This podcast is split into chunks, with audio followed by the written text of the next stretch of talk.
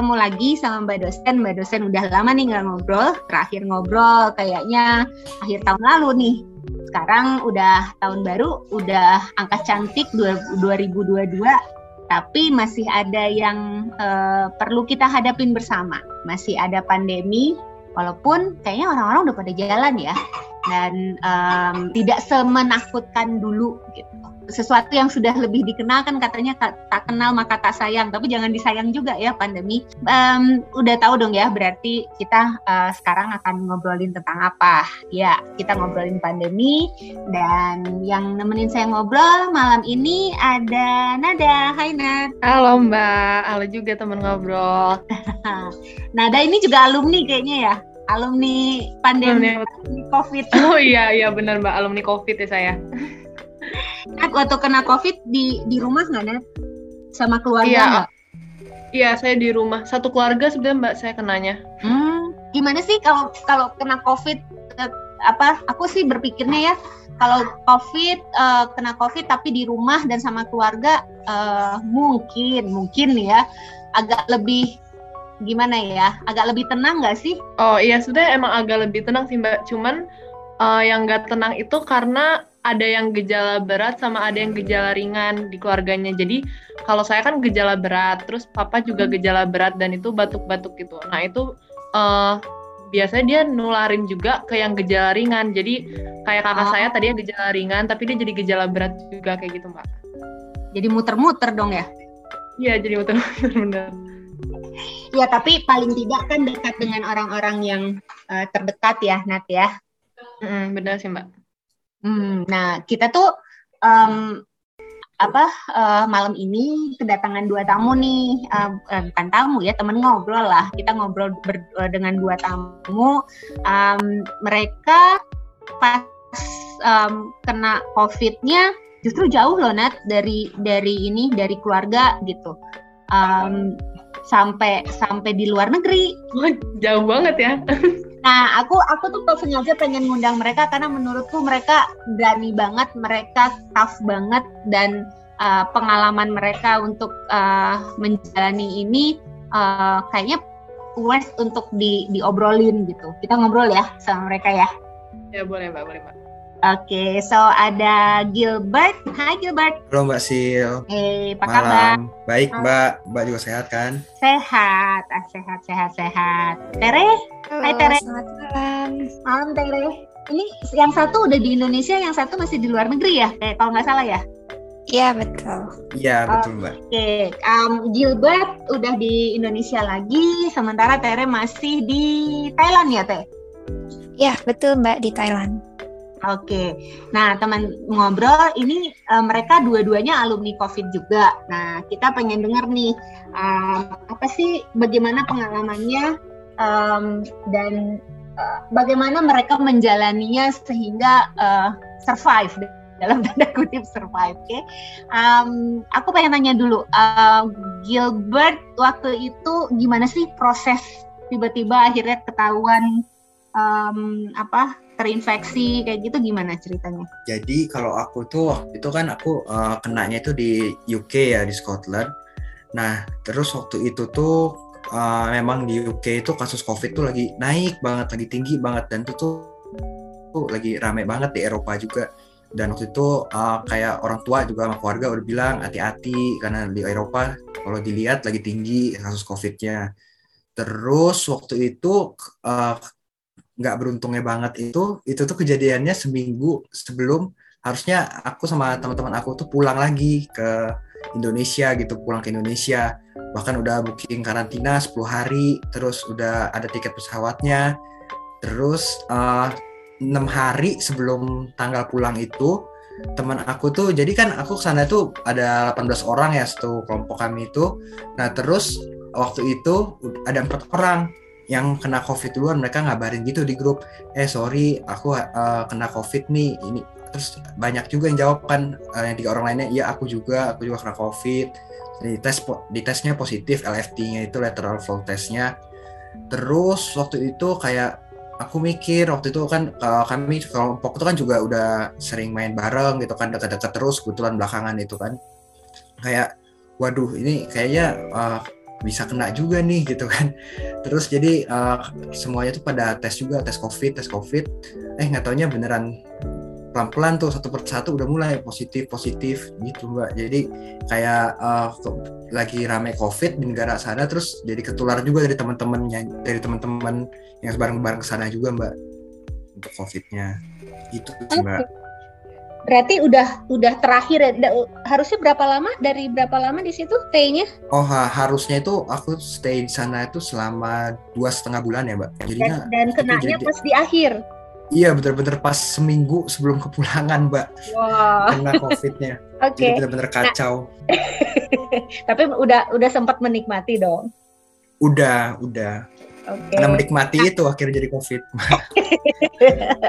Dia ngaku deh. kalau eh, kalau uh, Gilbert di di akhir, kalau Tere gimana? Akhir juga? Iya, aku justru di awal. Jadi setelah karantina kedatangan, kan itu di karantina dulu 10 hari. Terus kita setelahnya langsung pada seneng kan jalan-jalan ke sana ke sini. Eh tiba-tiba pada positif gitu. Jadi awalnya tuh sebenarnya nggak berasa. Tapi kemudian ada roommate aku yang uh, dia demam kan tiba-tiba. Jadi aku saranin buat tes antigen yang tes kit mandiri gitu. Eh ternyata dia positif. Jadi pihak universitas ini langsung ngebagiin test kit buat kita semua. Dan semuanya dites ternyata ada tiga yang positif. Gitu sih mbak. Udah sempat ini apa kegiatan utamanya udah sempat dimulai waktu itu atau belum? Untuk kegiatan belajar mengajarnya udah tapi uh, dilaksanakannya kan secara online. Paling kita sempat ada acara kayak welcome party gitu sih. Tapi untungnya pas welcome party itu belum ada yang positif. Hmm oke oke. Um, aku aku mau nanya sesuatu deh karena um, aku belum pernah kena ya. Uh, mudah-mudahan tidak gitu. Tapi keluargaku um, ada yang pernah gitu dan merasakan lah yang uh, dulu-dulu tuh uh, mungkin yang awal-awal gitu ya ketika orang belum terlalu tahu dengan dengan COVID gitu yang apa sih uh, social pressure gitu loh bahwa misalnya dari tetangga gitu bahwa wah ini keluarga ini lagi positif nggak boleh ke mana-mana. Terus ya memang sih nggak boleh ke mana-mana gitu ya tapi the way people look at us gitu kan rada beda gitu ya. Nah uh, waktu kalian positif gitu ya jujur-jujuran nih ada nggak sih perasaan kayak aduh kenapa sih? gitu atau aduh gue nggak enak nih gue nularin orang. Nah, yang mana tuh yang ada nggak perasaan itu? Salah satu dari perasaan itu ada nggak? Atau atau um, kalau dua-duanya ada yang mana yang lebih besar gitu? Kalau dari aku sih ya mbak uh, waktu itu jadi sebenarnya itu dari 18 itu ada enam orang yang nggak covid ya mbak. Terus di flat itu di flat aku tuh kan berempat. Terus yang di flat aku tuh yang kena itu cuman aku sendiri. Yang tiga itu awalnya tuh nggak covid Nah, jadi di flat yang lain, di flat yang lain tuh jadi ada satu flat dia nggak covid, nggak ada yang covid satu orang pun. Dia berempat itu tetap pulang on time, Mbak. Tetap pulang di tanggal 18 itu mereka berempat pulang duluan. Nah, terus jadinya aku ya gimana kayak social pressure kayak Mbak tadi bilang itu aku jadi mikir aduh jadi beban nih aku sampai bilang ke teman-teman aku yang satu flat tuh aduh sorry banget sorry banget gitu jadi nggak enak banget lagi tuh mbak rasanya karena okay. jadi gara-gara aku aku mereka nggak pulang gitu kan terus mereka malah baik masakin aku gitu waktu itu waktu aku covid waktu aku isolasi ya gitu sih paling social pressure-nya tapi tapi mereka ya ya istilahnya ya udah gitu justru ikut bantu gitu-gitu ya Gilbert ya Iya, mereka tetap ikut bantu sih Mbak masakin segala macam. Aku nitip apa ke, ke supermarket beliin buah atau apa mereka beliin gitu sih Mbak. Tetap. Mm -hmm. Iya sih. Berarti justru ketika jauh dari dari Indonesia malah saling bantu gitu ya. Mungkin juga ya udahlah ya gitu kan ya. Iya, mereka juga ada pasrah ya jadinya. Ya kekeluargaannya kerasa sih, Mbak. Waktu itu kerombongan yeah. itu. Mm-hmm. Ya, kita kita juga ngerasa kok biasanya kalau teman-teman ada yang teman ngobrol ada yang sempat keluar negeri gitu ya, nggak tahu kadang-kadang apa merantau itu kan berada di jauh dari keluarga di luar negeri kalau ketemu bangsa sendiri tuh solidaritasnya menjadi sangat iya. tinggi gitu. Bener mbak, jadi kayak usaha untuk survive juga bareng-bareng jadinya. Jadi punya Iya, rasa kepemilikan juga Iya, betul betul betul. Saya mau nanya ke Kak Gilbert, itu kan berarti tadinya kan kenanya satu minggu sebelum uh, pulang kan? Nah itu berarti nambah karantina berapa lama? Karena kan pulangnya jadi lama lagi kan? iya pulangnya jadi lama jadi eh, waktu itu kenanya itu nggak langsung di seminggu pulang sebelum pulangan itu semuanya nggak langsung kena jadi kayak minggu dep eh, Hmm. seminggu setelahnya baru ada yang kena lagi baru ada yang positif lagi jadi pulangnya itu juga semakin mundur-mundur lagi terus makanya waktu aku Oh, jadi pulangnya gitu. itu sampai pas malam tahun baru tanggal 31 aku baru pulang Oh berarti pas udah dites uh, hasilnya negatif, terus langsung ngabar-ngabarin langsung berarti langsung balik gitu ya? Eh, waktu itu sih udah nembak tanggal duluan sih sebenarnya sebelum hasil negatif Oh, udah gitu. pernah nembak tanggal duluan tanggal 31 nih ya gitu udah udah paling maksimal udah lumayan lama sih itu dan itu pun masih Oh. banyak yang pas PCR kepulangan eh nggak tahu masih positif itu nggak jadi pulang lagi gitu Oh, jadi Oh, masih gitu. ada teman-teman yang tinggal ya, Gilbert ya? ada bah- bahkan ada yang sampai tanggal 8 9 Januari gitu baru pulang Oh, oke. Iya, iya, iya. sendiri Mm-mm. Kalau Tere gimana, Tere? Perasaannya kurang lebih sama sih kayak Gilbert, eh, merasa bersalah gitu, takut nularin orang-orang, apalagi dua hari sebelumnya tuh aku sempat ketemu sama local students, tuh kan, Eh, dan kita tuh makan bareng gitu, minum minum kayak di cafe gitu. Nah, eh, se- mereka sebenarnya kayak bilang udah nggak apa-apa biasa aja biasa aja tapi aku tuh kayak malah minta maaf terus karena takut banget tiba-tiba mereka positif gitu sih I see, I see. Iya, em, be- berarti yang lebih berat rasa bersalah. Sempet ini nggak sih? Sempet kesel nggak sih? Aduh, gue gua mau ini, gue mau pulang gitu. Sempet nggak ada rasa itu? kalau aku kerasa banget sih mbak waktu itu aku kan mikir eh, ini kan kan pulang tanggal 18 ditambah karantina 10 hari ya tanggal 28 29 lah udah balik lagi ke Lampung gitu kan ketemu keluarga. Lalu aku mikir seenggaknya kalaupun gak Natalan bareng mungkin tahun baruan bareng gitu kan sama keluarga. Atau nggak sama nggak dua-duanya nggak dapet dua-duanya. Dan itu waktu itu sempat kesel banget sih mbak sebenarnya. Kayak aduh Pasti, pengen pulang gitu. Ngomong ke mama juga mau pulang nih gitu. Tapi ya ya gimana gitu kan. Hmm. Ngomong-ngomong soal mamah nih ya, dua-duanya nih, aku pengen tahu reaksi pertama orang tua gimana? kalau mama aku tuh jadi dia tuh kan orangnya dari awal pandemi itu cukup takut ya sama covid ya. Dia cukup peduli karena dia punya komorbid juga. Dan keluarga juga beberapa dia punya komorbid jadi kayak ngejaga banget gitu. Jadi ya mereka kaget lah eh covid gitu. Dan aku udah bilang sih aku tidak tenangin sih. Enggak kok biasa eh, aku nggak apa-apa di sini biasa aja sebenarnya eh, ngerasanya nggak terlalu berat gejalanya. Cuman ya mereka tetap panik aja gitu karena mereka kan mikir ini kan aku lagi di negara luar gitu yang jauh yang aku nggak tahu sistem covidnya mereka gimana untuk merawatnya segala sedangkan aku juga nggak punya dokter pegangan gitu di sana. Nah jadi orang tua sempat panik mbak awalnya gitu. Sempat mau nyusul nggak sih? Eh, enggak sih mbak. Soalnya mikir sana juga ada karantina 10 harinya lagi nyampe sana cari penyakit sendiri lagi juga jadi Iya, iya. menyusul Ya betul betul. Ini ini kenapa aku pengen banget ngajak eh, Gilbert sama Tere gitu ya. Soalnya em, ini kan yang namanya mobility apa eh, apa eh, pertukaran pelajar itu kan tetap jalan ya. Dan eh, dan ya kadang-kadang kan orang tua kalau udah jauh gitu kan khawatir gitu kan ya. Nah, em, cuman kan ya kalau dalam kondisi seperti ini kan ke sana pun belum tentu ada bisa ngapa-ngapain iya kan ya? benar benar mbak Iya iya iya. Kalau Tere gimana Tere? Reaksi orang tua? kalimat pertama yang aku ucapin itu ma jangan panik biar tenang dulu terus ya terus aku kabarin uh, kalau aku positif ya tentunya jadi kepikiran tapi karena kebetulan aku di sini tuh dirawatnya di rumah sakit jadi mungkin lebih tenang kali ya karena um, di rumah sakit gitu udah banyak dokter dan susternya yang merhatiin gitu sih Oh iya, Tere di rumah sakit ya. Kalau Gilbert kalau nggak salah enggak kan? enggak mbak rata-rata kalau di sana tuh memang karantina mandiri di flat aja gitu Enggak enggak apa itu ngaruh nggak sih? Enggak enggak ini. Kamunya nggak ngerasa bahwa aduh nanti kenapa kenapa gitu. Nah, untung eh, aku waktu itu nggak panik sih mbak, nggak terlalu panikan begitu. Jadi bawa santai aja sih mbak, karena sambil kadang eh, ngobrol bareng sama teman-teman yang lain, teleponan gitu, ya, sama-sama covid. Jadi saling ngobrol aja supaya nggak mikirin, aduh covid nih gitu. Jadi ya santai aja sih mbak waktu itu. Ayo kita coba banding-bandingin ya. Gilbert kondisi terparahnya seperti apa? Tere seperti apa? Dan Meningkat. kenapa Tere ke rumah sakit, Gilbert enggak gitu ya? Karena ini negaranya di Eropa satu di di- eh sorry nggak boleh Eropa ya kalau Inggris ya. Inggris satu di Inggris satu di Asia gitu.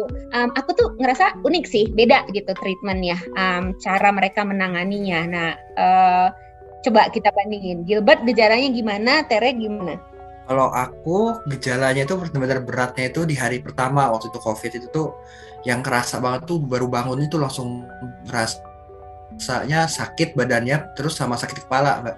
Kayak badannya tuh sakit banget gitu. Sampai yang kayak kau bangun aduh males jadi nggak nafsu makan gitu Mbak. Itu yang paling parah sih. Sakit badannya itu yang parah waktu itu kalau aku.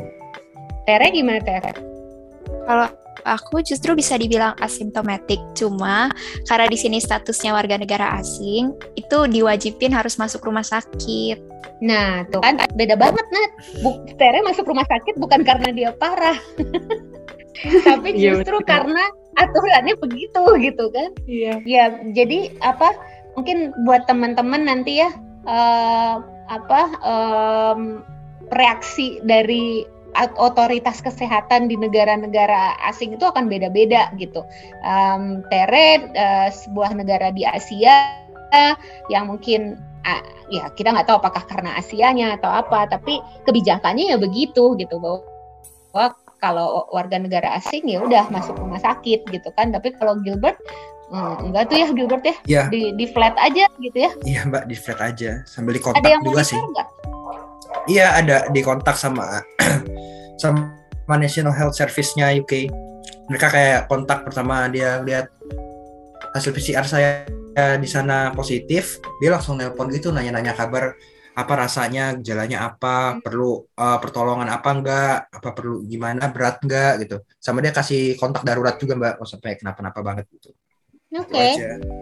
Aku, aku nggak pengen nanya Tere karena ya kita sudah terbiasa ya di Indonesia kalau sakit ya ke rumah sakit atau ke dokter gitu. Nah aku justru pengen nanya Gilbert, apakah dengan digituin kamu merasa tenang nggak sih? Atau mas, kamu merasa, aduh, karena gini aku pernah ya di di luar negeri gitu kan, em, apa eh, di Indonesia kan dokternya tuh sangat gampang ngasih antibiotik gitu. Nah begitu begitu di luar negeri eh, orang Indonesia tuh biasanya kayak ngerasa kurang gitu, kok gue sakit kagak dikasih antibiotik gitu kan? Karena kita udah terbiasa banget gitu dengan antibiotik. Nah kamu merasa gitu nggak sih Gilbert? Ad- Ada nggak rasa pengen, aduh pengen di treatment gitu? Ada nggak? Ah, waktu itu aku sempat mikir sih kayak, aduh ini obat kurang nggak ya? Obatnya cuma obat batuk doang gitu kan. Soalnya kayak uh, kalau aku dengar-dengar dari teman aku juga itu kayak harusnya kalau COVID itu minum obat antivirus gitu kan. Iya iya. Nah aku sempat mikir, aduh nggak ada obat antivirus. Kayak banyak yang ngomong nanti COVID-nya bisa lama gitu negatifnya kalau nggak pakai antivirus. Dan sempat mikir juga sih mbak kayak, waduh nanti berat nggak nih gitu. Tuh untungnya ternyata begitu dijalanin ya sembuh juga sih mbak. Iya iya iya betul. Gitu. Pengalaman lah ya. Berharga banget sih mbak pengalaman. Nah, Del mau ada yang mau ditanyain? Itu saya mau nanya tadi kan katanya di rumah sakitnya. Itu boleh tahu nggak siapa yang ngebayarin rumah sakitnya gitu-gitu dan apakah prosesnya ribet karena kan jatuhnya kayak foreign ya di sananya. Hmm, hmm, hmm. Eh, uh, kalau yang aku sih dibayarinnya sama asuransi. Jadi kalau di Thailand itu sebelum kita dapet izin masuk Thailand, kita tuh harus punya asuransi yang secara eksplisit bilang bakal ngecover COVID gitu. Jadi ke sininya sih sebenarnya jadi rada tenang gitu ya, udah ada jaminan tercover. Oh gitu. Berarti eh, tapi prosedurnya apakah gampang atau jadinya jatuhnya lebih susah ya? Em, cukup gampang sih cuma nunggunya itu lama banget karena agennya kan harus kontak-kontakan kayak dari Thailand ke Malaysia ke Indo ke Malaysia ke In- ke Thailand lagi gitu jadi lama nunggu di situ Itu sih pasti agak ribet gitu ya. Nah, tapi kalau tadi Kak Gilbert juga apa dikasih obat ya? Itu obatnya beli sendiri atau gimana tuh? Jadi kalau aku, aku waktu itu dari Indonesia udah bawa beberapa obat ya kayak obat sakit tenggorokan atau batuk gitu. Tapi waktu itu uh, dibantu dari ketubes juga sih dikirimin kayak paket yang isinya obat-obatan kayak lozenge strepsils, terus kayak uh, obat batuk gitu-gitu sih. Jadi itu ngebantu juga sih untuk redain bat apa enak tenggorokannya. Oke oke, sip sip. Nah, uh, um, terus kalau aku nggak salah itu uh, Gilbert juga uh, ngeceknya ini ya uh, apa sendiri ya? Oh, ngecek COVID-nya ya, Mbak. Kalau ngecek COVID-nya itu waktu itu aku jadi uh, pas ke teman-teman ngabarin mereka kena COVID itu uh, aku PCR uh, di sana kan PCR di sana tuh uh, gratis kan PCR di National Health Service-nya. Hmm. Nah, itu daftar terus aku PCR itu hasilnya nunggu satu hari. Hasilnya nunggu satu hari tapi aku udah rutin tuh LFT yang lateral flow testnya yang kayak antigennya gitu di uh, yang secara mandiri. Uh, aku LFT itu hasilnya masih negatif terus. Katanya besok besoknya itu setelah dua hari setelah positif mbak. Gitu. Terus PCR-nya juga ternyata udah positif udah kebaca dari sebelumnya sebenarnya. Itu udah positif juga. Oke. Okay. gitu, okay. Um, aku ada satu pertanyaan mungkin pertanyaannya basic sih harusnya ini ditanyakan di awal tadi gitu. Uh, di kalian tuh kan berangkatnya tuh kalau Tere kan berangkatnya uh, tahun ini ya di mana sudah agak mulai turun gitu. Kalau Gilbert kan tahun lalu tapi tetap aja um, mau udah turun atau apa tapi resiko itu tetap ada. Apa sih yang membuat kalian tetap memutuskan berangkat um, di tengah kondisi yang seperti sekarang? Tere mungkin hmm, aku karena nggak mau menyia-nyiakan kesempatan sih mbak. Maksudnya hmm. uh, kebetulan ini aku dapet beasiswa gitu ya, jadi udah perjuangan gitu. Jadi kalau misalnya nggak nggak jadi berangkat itu rasanya sayang banget. Tapi pernah sempat antisipasi nggak sih, misalnya um, apa uh, ya ada risiko ini yang menunggu nanti saya akan uh, apa ya yang akan saya lakukan untuk mencegah atau pas kena kalau kena gimana itu sempat antisipasi nggak? Ya sempat antisipasi terus uh, persiapan juga udah plan juga kalau misalnya amit-amit kena uh, gimana gitu sama orang tua juga ngasih wejangan-wejangan dan hmm. sebenarnya di sini juga udah bisa dibilang cukup ketat ya prokesnya aku nggak pernah lepas masker dan sebagainya tapi ya ternyata kena juga iya iya. Ya aku aku termasuk yang percaya bahwa prokes sih oke okay, gitu ya tapi um, kita nggak bisa tahu ya dapat datangnya dari mana gitu ya dapatnya dari mana. Iya benar mbak. Mhm. kalau Gilbert gimana? Dengar aku lupa Atere atau Gilbert gitu. Aku sempat ngobrol soalnya sama orang tuanya. Dan ada yang mengatakan bahwa udah saya bekelin vitamin dan itu siapa tuh yang udah dibekelin? Gilbert ya iya saya juga udah dibekelin sebenarnya vitamin dari awal itu antisipasinya kah? Iya, jadi uh, antisipasi juga sih mbak di awal kayak uh, udah siapin obat-obatnya gitu. Kalau wah ini lagi tinggi nih, ada resiko tinggi banget kena. Jadi ya udah udah disiapin juga mbak sebenarnya. Kalau kena pun ya udah siap sebenarnya sih mbak, udah resikonya dari awal. Gitu. Iya iya, betul betul betul. Jadi ya uh, apa nggak uh, kaget-kaget amat lah ya. Iya, nggak iya. nggak kaget. Iya, iya. Kalau misalnya bisa dibandingin nih, um, ya mungkin eh, nggak uh, bisa apa uh, ya, mungkin adalah informasi tentang uh, apa yang dilakukan di Indonesia.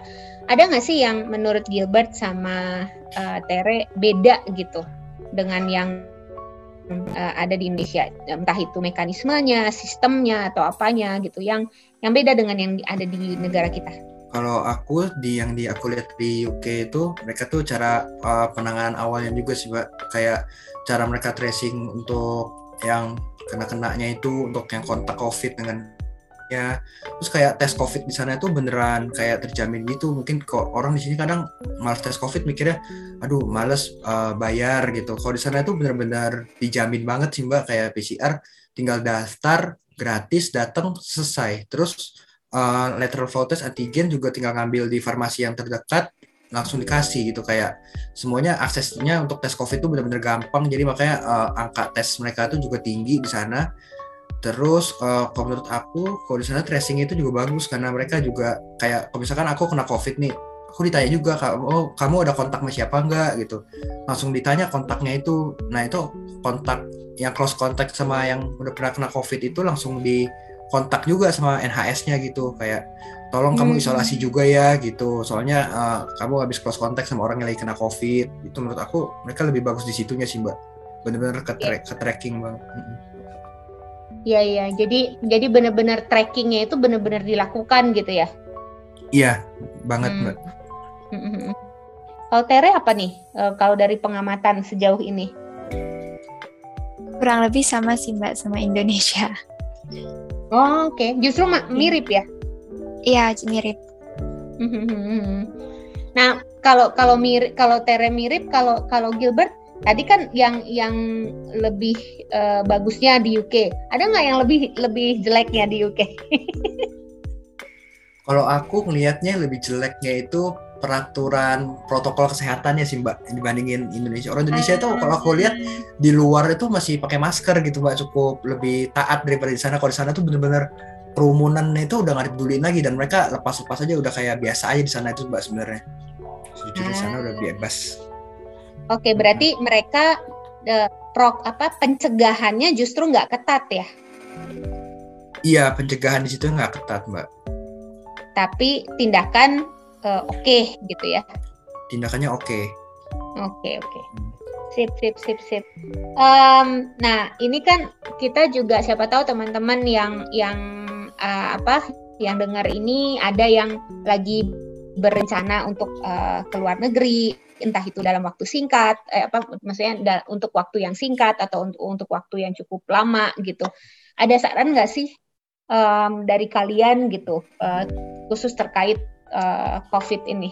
Kalau menurut aku sih, kalau kayak kalian mau belajar juga untuk ber apa dalam kelompok juga kayak aku gitu ke sananya, menurut aku yang jelas kalian tuh harus tahu kontak darurat juga sampai di sana. Kalau sampai kena COVID eh, harus gimana, langkah-langkahnya ngapain, harus kontak ke mana dulu gitu kan.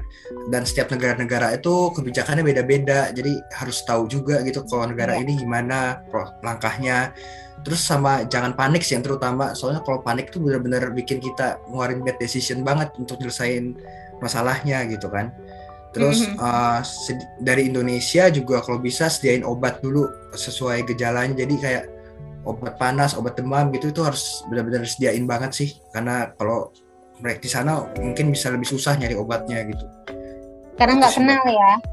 iya bener Hmm. Termasuk badannya nggak kenal sama obat. Ya, iya makanya bisa beda-beda juga kan obatnya gak kebiasa gitu betul betul. Ya, saya ingat eh, Panadol di Indonesia sama Panadol di Australia belum tentu sama efeknya ke badan saya gitu. Iya, kayak strepsil saja di Indonesia kan jadinya kayak permen biasa mbak sebenarnya mbak. Kalau di sana Yoi. itu benar-benar obat lozenges gitu. Betul, betul. Eh, strepsil itu kalau di luar negeri tuh termasuk obat yang diresepin kan kalau nggak salah. Iya, bener mbak, bener.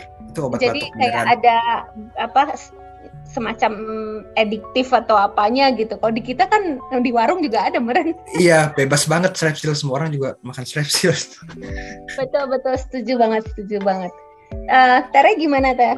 Uh, mungkin untuk yang nanti bakal berangkat, kan tempat-tempat rame bakal mulai dibuka. Just because udah dibuka, bukan berarti kita harus ke sana gitu. Jadi tetap jaga prokesnya sih, jangan lengah. Tapi bukan berarti harus ngurung diri kan Ter? Iya, nikmatin boleh, tapi tetap harus prokes. Aku Nada aku kalau denger Tere tuh kok kayaknya adem banget ya Nat. Suaranya kayak lembut gitu ya Mbak ya. Jadi aku merasa yakin banget. Jadi pokoknya kayaknya kalau abis denger Tere ngomong gitu aku besok beli tiket aja pokoknya. jadi jadi nggak usah takut nih ya. Aku tuh terus terang ya, Tere ya sama Gilbert. Aku tuh ada undangan em, untuk keluar negeri eh, bulan depan gitu. Tapi mikir-mikir banget tau nggak apa nanti repot nggak ya nyari nyari eh, apa PCR untuk balik, nyari em, apa istilahnya kan kalau dari sini tau lah kalau ada tempat-tempat tes tertentu yang udah jadi langganan gitu kan. Tapi kalau udah di negara orang nyari PCR-nya di mana ya gitu. Ada loh kekhawatiran kayak gitu. Menurut kalian itu beralasan nggak sih aku pertimbangannya kayak gitu? Pasti sih Mbak, apalagi di negara asing gitu kan. Kita yang bisa dibilang nggak punya temen gitu. Jadi eh, mungkin harus dicari tahu dari sebelum berangkat sih Mbak. Hmm. Jadi informasinya selengkap mungkin sebelum berangkat gitu ya. Iya betul. Gilbert, pergi nggak nih aku? Gila mbak, kalau aku jadi mbak. Kan karantina di Indonesia juga sebenarnya udah nggak ada ya, kalau nggak salah ya. Yang dari ke Bali pun udah nggak karantina lagi mbak. Iya kayaknya se- ad- kalau yang karantina pun katanya se- cuman sehari deh. Iya bener, cuma sehari. Iya ya. Ya, Pergi jadi harus belajar belajar hidup dengan COVID gitu ya. Iya bener, jadiin udah suasana biasa aja gitu sih mbak. Nggak gitu juga sih harus dijaga, cuman ya ya sudahlah gitu. Iya iya iya. Ini udah ada teman-teman ngobrol ini di di belakang layar sebenarnya ada eh, apa kakak cantik satu yang yang mendengarkan dari tadi dan dia sudah ngechat barusan yuk ciao mbak katanya. Ayo eh, Alia kita ciao nanti kita bikin podcastnya dari mana gitu. Oke. Em, nah ada yang mau ditanyain lagi nggak nih ke dua orang survivor ini? Survivor ya. Tadi sebenarnya saya kepikiran kan kalau misalnya uh, Kak Gilbert PCR gitu-gitu udah ditanggung pemerintah ya. Jadi kita tinggal regis. Terus itu pasti jadinya uh, jadi gampang juga kan buat nge-track COVID-nya gitu. Nah, tapi kan kalau KTR itu PCR-nya bayar sendiri atau gimana ya, Kak? Em, untuk PCR-nya sebagian ditanggung sama asuransi, sebagian ditanggung sendiri, sama ada juga bantuan dari universitas ini sih. Tapi berarti lumayan juga ya kalau misalnya PCR-nya ditanggung sendiri ya. Iya betul, dan PCR di luar negeri tuh kadang belum semurah PCR di Indonesia. Oh ya? Berapa sih?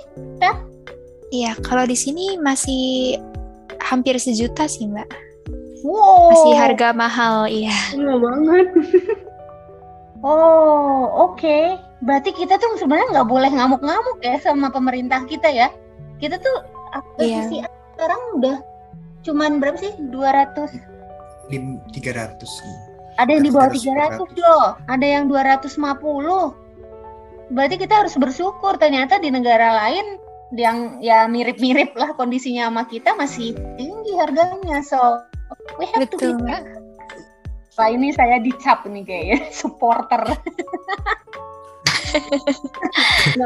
Aku beneran deh kalau kalau udah kayak gitu tuh ya, um, ya inilah gunanya kita misalnya ke luar negeri atau dengar cerita-cerita kayak gini gitu.